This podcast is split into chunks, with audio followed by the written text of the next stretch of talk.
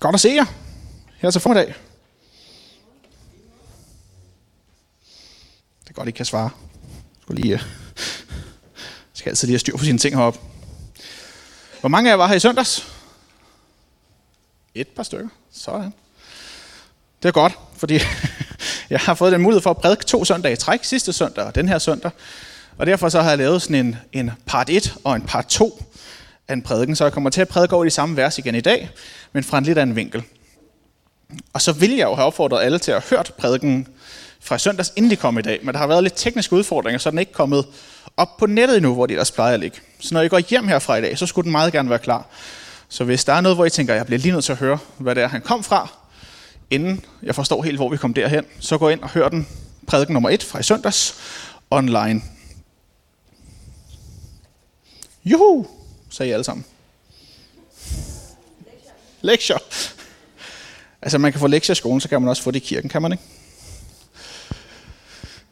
Jamen jeg blev inspireret til at, at prædike her omkring et stykke fra Kolossenserbrevet. Og det gjorde jeg, fordi at jeg øh, lige nu i min, i min egen bibellæsning, jeg har sådan en, hedder Illustreret Bibel, nu har jeg selvfølgelig glemt at sætte den med, den hedder med sidste søndag, som er sådan en, en øh, bibel, der er ret pænt opstillet, øh, hvor der er nogle fine sådan, skriftgrafikker, og der er plads til, at man kan skrive en masse noter. Og så når jeg sidder og læser min bibel igennem her, så sidder jeg og skriver små refleksioner, eller hvis der lige er et eller andet græskord, man tænker, det skal jeg ind og bøje, så sidder jeg og skriver det ned på de her blanke sider, hvor man kan skrive notater. Men, øh, men jeg gør det ikke til mig selv. Jeg adresserer alle de her refleksioner til, til min søn Marius.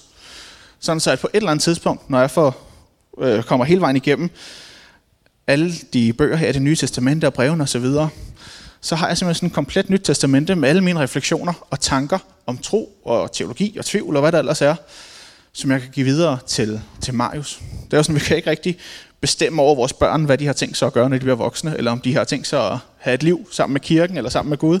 Men jeg håber enormt meget, at han vil vælge at gå også et liv med, med Gud og vælge at være aktiv i kirke hele sit liv. Og jeg håber, at det refleksioner, så skriver også, kan være med til at opbygge øh, ham i hans liv.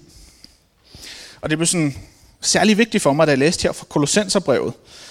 Øh, især det her stykke fra kapitel 2, vers 6-15, som jeg lige vil starte med at læse. Der er nogen, der vil læse med, kan jeg se. Det kommer også op på slide til op. Der står sådan her. Når nu I har taget imod Kristus Jesus, Herren, så lev i ham, rodfæstet i ham, opbygget i ham, grundfæstet i troen, som I har lært det, overstrømmende i jeres tak. Og se til, at ingen fanger jer med filosofi og tomt bedrag, der bygger på menneskers overlevering, på verdens magter og ikke på Kristus. For i ham bor hele guddomsfylden i kød og blod, og i ham, som er hoved for al magt og myndighed, er I blevet fyldt med den. I ham blev I også omskåret, ikke med hånden, men ved at aflægge jer det syndige læme, ved omskærelse altså til Kristus, det blev begravet sammen med ham i dåben, og i den også blev oprejst med ham ved troen på Guds kraft, der oprejste ham fra de døde. Også jer, der var døde i jeres overtrædelser, uomskårne på kroppen, gjorde Gud levende sammen med ham – han tilgav os vores overtrædelser. Han slettede vort gældsbevis med alle dets bestemmelser imod os. Han fjernede det ved at navle det til korset. Han afvæbnede magterne og myndighederne og stillede dem offentligt til skue og førte dem i sit triumftog i Kristus. Amen. Jeg synes, det her vers, de her vers, de blev så... Øh, de betød så meget for mig, da jeg sad og skrev de her små refleksioner til Marius. Øh, fordi det nok er mere end nogensinde sindssygt vigtigt for os i dag at bygge videre på de her vers. De to ting, jeg ligesom tog frem på at tage den næste slide. Tryk ved. De to ting, som ligesom poppede ud til mig, det her er de første vers, hvor Paulus først skriver, at vi skal leve i Kristus, vi skal være rodfæstet i ham, opbygget i ham, grundfæstet i troen, som vi har lært det overstrømmende i vores tak. Altså at vi skal bygge vores identitet på Jesus. Vi skal bygge vores identitet på at være tilgivet og være frelste for alle vores overtrædelser. Vi skal bygge vores identitet på at være Guds elskede barn, som han vil gøre alt for at kalde nær igen. Og vi skal bygge vores identitet på at være kaldet. Altså vi har en opgave, vi har en mission, vi har en retning her i vores liv. Vi render ikke bare rundt i sådan helt øh, uvidenhed om, hvor vi er på vej hen. til dem, der, dem af jer, der ikke var i søndags, det var det, jeg prædikede om der, så gå ind og hør den prædiken online her bagefter. Og så det næste, som Paulus trækker frem lige bagefter, det er, han siger, at I skal se til, at ingen fanger jer med filosofi og tomt bedrag, som bygger på menneskers overlevering på verdens magter, ikke på Kristus.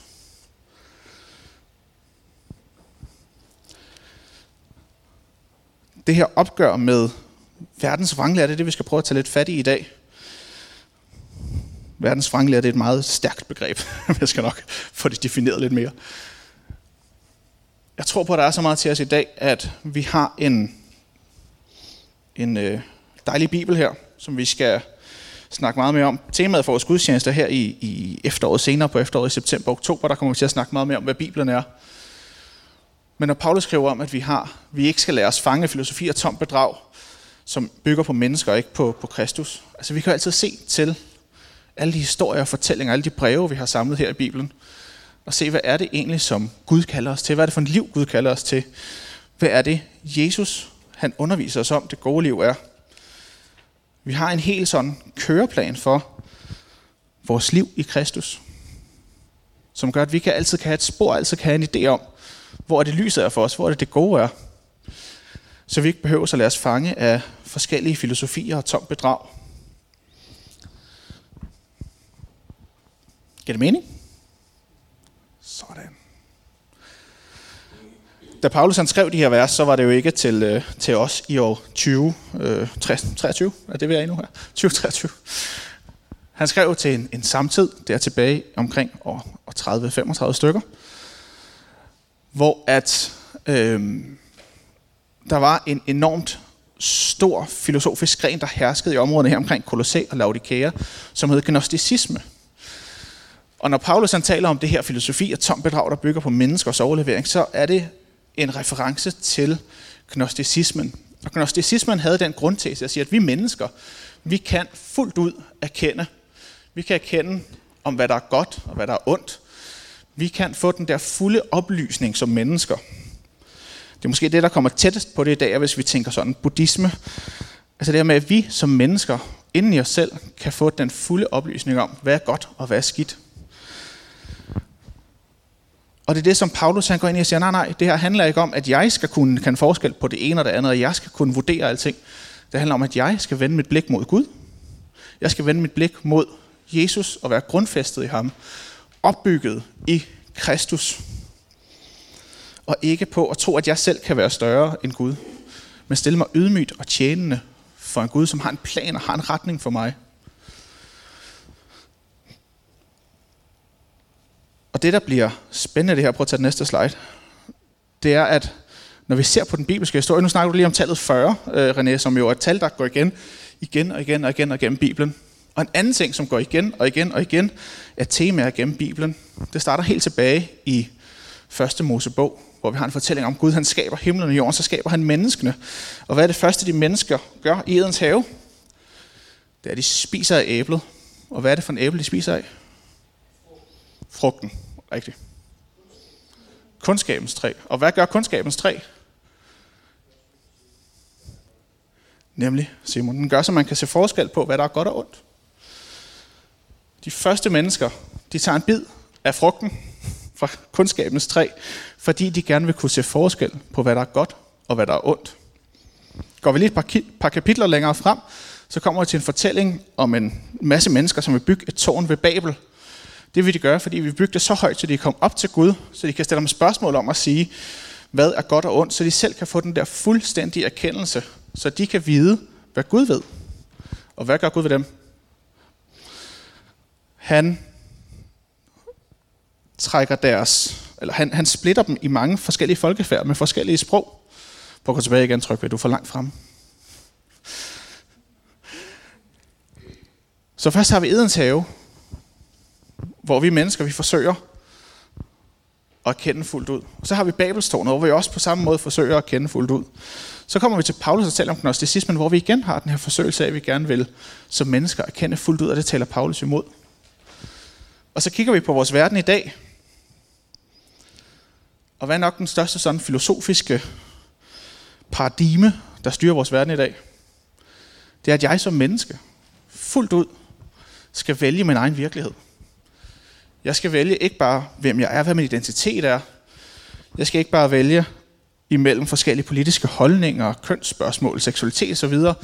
Jeg skal også vælge, hvilke værdier jeg tror, der er rigtige. Jeg skal selv lægge hele fundamentet for, hvem jeg er som identitet. Den herskende filosofi, det herskende paradigme, vi lever i i dag, det er, at egoet, altså mennesket selv, er den højeste entitet og kan bestemme alt. Vi skaber alting, som vi bestemmer det. Der er nogle systemer, som gentager sig. Fra Edens have til Babelstårnet, til gnosticismen og mange andre steder også i Bibelen. Og så op til i dag, hvor vi som mennesker glemmer at stille os ydmygt over for Gud. Hvor vi som mennesker sætter os selv i centrum, mere end at sætte Gud i centrum. Og hvad er det, Paulus han kalder os til? Være grundfæstet i troen. Ikke at være grundfæstet i os selv, eller opbygge på os selv, at bygge videre på vores egen kunden og formåen, men at være grundfæstet i troen. Lad det være fundamentet for os, hvad Kristus han kalder os til.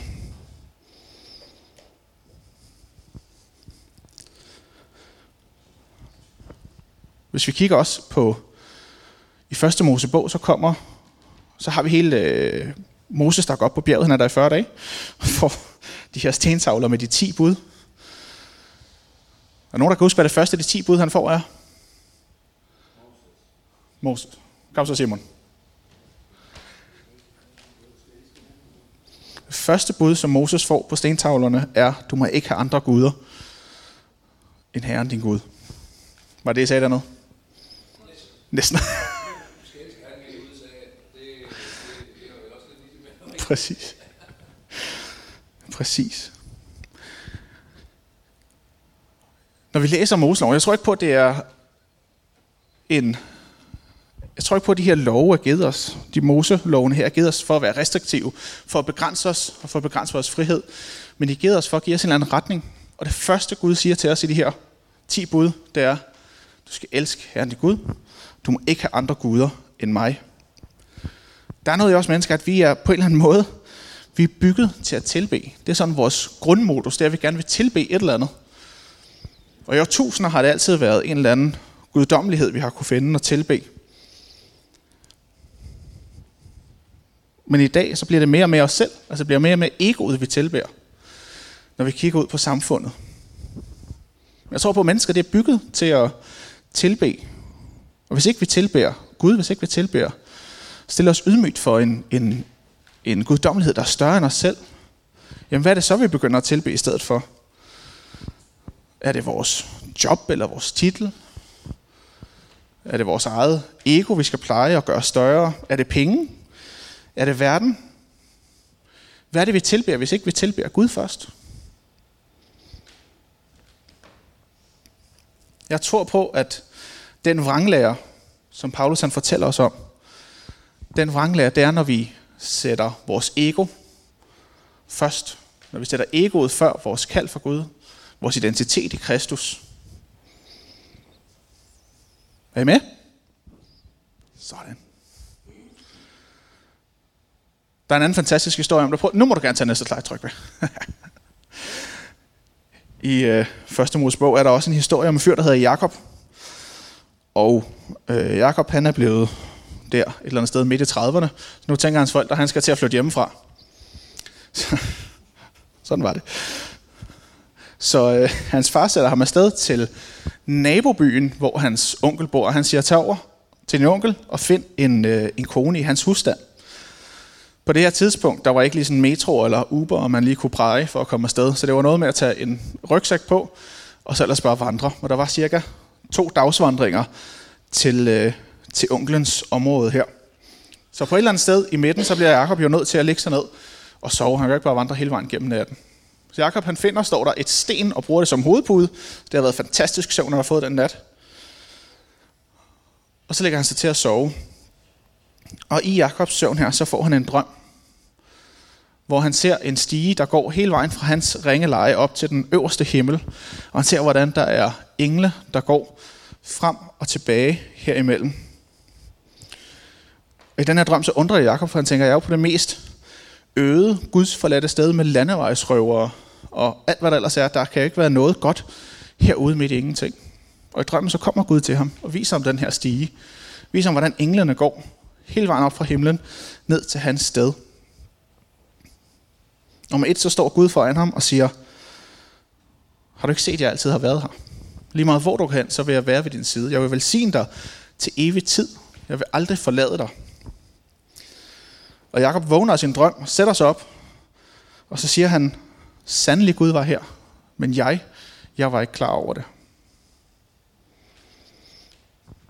Jeg tror på, at det sker rigtig mange gange i vores liv. Jeg tror på, at det sker rigtig, rigtig mange gange i vores verden lige nu. At vi ikke kan se, hvor Gud er henne i det. Vi kan ikke se, hvad der er af vejledning, hvad der er plan i det, hvad der er mening i det her. Men i virkeligheden, så står Gud lige der, midt i det hele. Det kan godt være, at vores verden, når vi kigger ud på vores samfund og kan se, hvordan kirker verden over, de bare bliver mindre og mindre og mindre. Der er færre, der kommer i kirke, der er færre, der vil tro på noget. Flere sætter egoet i centrum, og vi tænker, det er den mest gudsløse kultur og verden, vi kan være i. Jeg tror på, at Gud kan åbne vores øjne for, at vi har en endnu større mission end nogensinde til at vise mennesker, hvordan Gud er til stede i deres liv, lige midt her i en verden, hvor alting ellers er tilbage til de gode gamle systemer, fra Edens have til Babelstårnet til gnosticismen til i dag, om at det er egoet i centrum. Det er ikke længere Gud, der er i centrum. Jeg tror på, at vi har et kald til at se Gud i den her verden, og se, hvor vi kan vise hans kærlighed. Paulus siger til os, at vi skal være grundfæstet i troen på Jesus Kristus. Og ud fra det gå ud i verden. Fordi i Jesus, der er hele guddomsfylden i kød og blod. Hele guddomsfylden tog bolig i Kristus, og derfor så er han vores pejlemærke for hvad, hvordan vi skal leve i dag. Når vi så kigger på Jesus og siger, hvad er det så, Jesus lærer os? Så giver han os et bud, og han giver os en befaling. Det ene bud, Jesus giver os, det er, at han siger, elsk Herren din Gud af hele din sjæl og hele dit sind og hele din krop, og din næste som dig selv. Så Jesus siger, at det bud, vi har, det er, at vi skal vise kærlighed, vi skal leve i kærlighed. For det er på det hele Moseloven og alt det, de gamle profeter de sagde, det var det, på det, det var bygget. Der skulle være kærlighed fra Gud til mennesker, og at Guds kærlighed skulle skinne igennem mennesker til andre. Og når, Gud så givet os det ene, øh, når Jesus så givet os det ene bud, så giver han os bagefter en befaling, en mission. Og det han siger, gå ud og gør alle folkeslag til mine disciple. I det lærer dem alt det, jeg har lært jer, og døber dem i faderens og søndens og helligåndens navn. Når vi snakker om at grundfæste os i Kristus, og følge Kristus eksempel, være disciple for Kristus, så tror jeg på, at det er lige præcis det, der er missionen. At elske, hver end vi møder på vores vej, og føre dem ind i Guds kærlighed, ind i Guds kald til dem. Kom for et lille armen for det.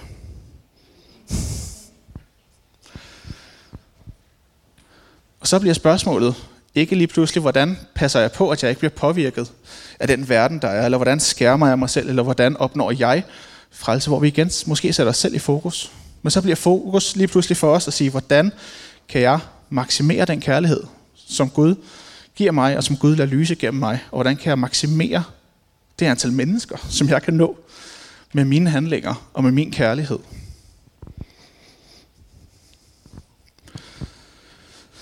Og jeg tror på, at Gud har et kald til os alle sammen, hvor vi netop kan sprede så meget som muligt kærlighed. Prøv at give mig den næste slide tryk ved. Jeg plejer at sige, at kald det er det samme som passion, som er det samme som kærlighed. Altså vores kald i vores liv, det er der, hvor vi er allermest passionerede. Og jeg tror på, at vi er aller, allermest passionerede der, hvor vi kan sprede den størst mulige mængde af Guds kærlighed til andre mennesker. Hvis du ikke er passioneret i dit liv, så tror jeg på, at Gud har et større kald til dig. Så tror jeg på, at Gud han har noget større til dig, end der, hvor du er i dag. Jeg tror på, at Gud ønsker, at alle mennesker skal kunne leve et liv fuld af kærlighed, fuld af passion. Jeg tror ikke altid, det er helt nemt at komme ind i det, eller at finde det. Men jeg tror på, at når vi finder vores kald, når vi finder den passion, så får vi den der oplevelse, som Jakob også havde. Gud, du er jo lige her. Det kan godt være, at hele mit liv det har været tungt, det har været hårdt. Jeg har været påvirket så meget af den verden, der har fortalt mig, at ego var størst, og jeg skulle definere mig selv, osv. osv. osv. Men når jeg finder ind i mit kald, så oplever vi som Jakob, at Gud, du er jo lige her. Du har været her hele vejen igennem. Men jeg, jeg var ikke klar over det.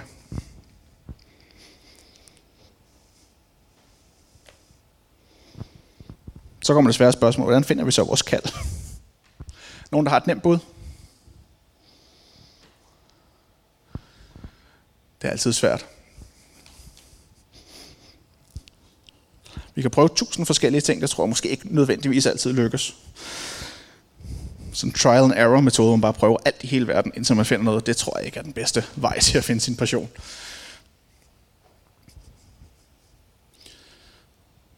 Jeg tror på, at vi, for at finde vores kald, så må vi jo søge en Gud, som har et kald til os. I søndags der snakkede jeg om det her begreb, der hedder ærefrygt. Som jeg tror, at ord, vi skal begynde at få mere ind i vores sprogbrug igen. Vi bruger ordet ærefrygt for lidt. For ærefrygt, det betyder, at vi stiller os med respekt eller ydmyghed for en eller anden større autoritet i vores liv, som har et kald til os, som har en mission til os. Ærefrygt er at sige, at det ikke er min vej, men det er din vej, Gud. Hvordan finder vi vores passion? Jamen det gør vi først og fremmest ved at fokusere på at tilbe Gud. På at bede til Gud. På at have en, et levet liv, en hverdag med Gud. Hvordan gør vi det? Det gør vi igennem at være disciple af Kristus. Forsøg så meget som muligt at efterligne den måde, Kristus han levede på. Spred kærlighed til alle omkring sig. Be for de syge. Snak med mennesker. Inkorporer mange af de samme værdier, som vi kan læse i det nye testamente, at Jesus han arbejder med. Vi kan udleve Guds kærlighed. Jeg tror på det store skift i vores kultur, hvis vi nogensinde skal komme op, få gjort op med den øh, verden, vi har i dag, hvor flere og flere de går ned med stress og depression, og hvor flere og flere de tager deres eget liv, og hvor der er mere og mere krig og utryghed i verden, så skal vi stoppe med at tilbe egoet, og skal vi begynde at tilbe Guds kærlighed i stedet. Så tror jeg på, at vi kan gøre en forskel. Jeg tror på, at vi skal finde tilbage til den ærefrygt, hvor det ikke er min vej og min plan først, men det er Guds vejledning for mit liv, som jeg sætter størst.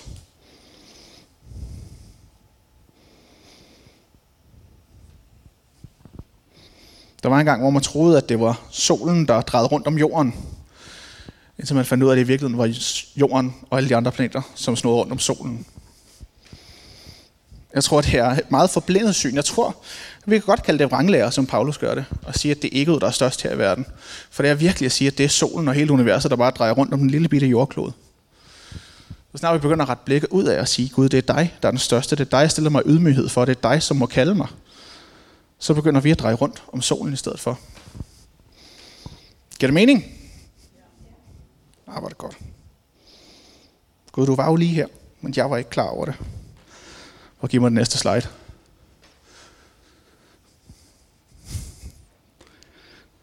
Når man tager sådan starten og slutningen af de vers, jeg læste i dag, og sætter dem sammen, så synes jeg netop, det opsummerer det her så smukt. Når vi lever, når vi har taget mod Kristus Jesus, lever i ham, rodfæstet i ham, opbygget i ham, grundfæstet, altså når vi lader Kristus være fundamentet for vores liv og overstrømmer i taknemmelighed til Gud for det store mirakel, han har gjort, så tror jeg på, at vi lever det fuldeste og det bedste liv her på jorden. Og tror, i det at efterleve Kristus, og i det at træde i Kristus fodspor, så vil vi se, hvordan at vi er sat fri fra alt, hvad der har været ved os før. Gud han slettede vort gældsbevis med alle dets bestemmelser imod os. Ved at navle det til korset. Når vi efterligner Kristus måde at leve på, så bliver vi sat fri fra de ting, som kan tynge os og hæmme os. Så bliver vi sat fri til at følge vores kald. Bliver vi sat fri til at leve et passioneret liv. Så bliver vi sat fri til at tilbede kærligheden. Til at tilbede Gud. Og til at udleve Guds kærlighed til alle mennesker omkring os. Amen.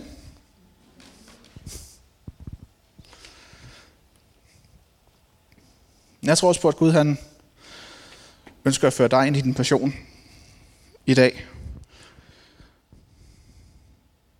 Synes nu, vi, vi har gjort noget ud af at bede her til formiddag. Jeg synes generelt, vi er lidt for dårlige til at bede for hinanden her i kirken. Det kan være, at vi skal gøre noget ud af det. Det kan man. Nogen kan. Jeg tror, vi er for dårlige til her om søndagen at lægge hænderne på hinanden. Be for de syge. Velsign hinanden.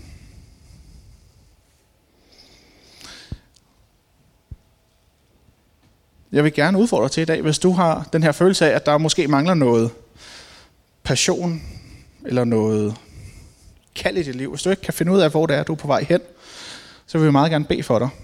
Både René og jeg vil stå hernede bagved om lidt, og være klar til at give forbøn. Hvis du har brug for, at nogen lige lægger hånden på dig, giver dig en velsignelse, eller beder sammen med dig om at sige, Gud, hvad er det, der egentlig er kaldet til mig? Hvor er det, jeg kan være mest passioneret? Så vil vi meget gerne stå sammen med dig i bøn. Og vi opfordrer så den lille smule frimodighed, det kræver at komme ned. For jeg tror måske tit, det er der, det kan glippe, at vi lige tænker, ah, kunne vi ikke, det er ikke så sjovt at skulle op og stå, og så gå derned. Som lidt, når vi skal have en lovsang, så rejser alle sig op, og så snitter ned bagved. Og ellers så bliver jeg også stående nede bagved, indtil alle er gået ud af salen. Så hvis det er det, der hindrer, så kom ned til mig på et eller andet tidspunkt. Jeg vil meget gerne bede sammen med dig, for jeg tror på, at når vi beder sammen, når vi tilbeder Gud sammen, så vil Gud også møde os.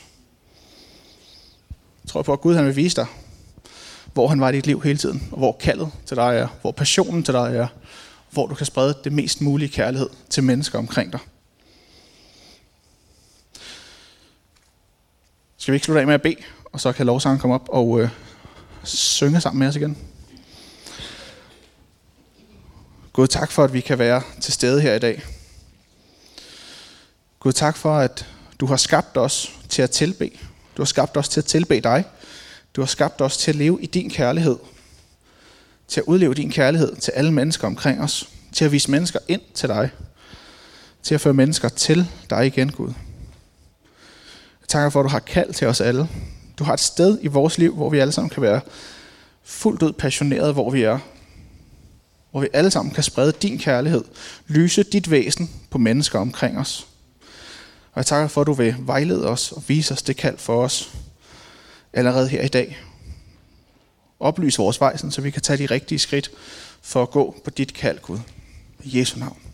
Amen.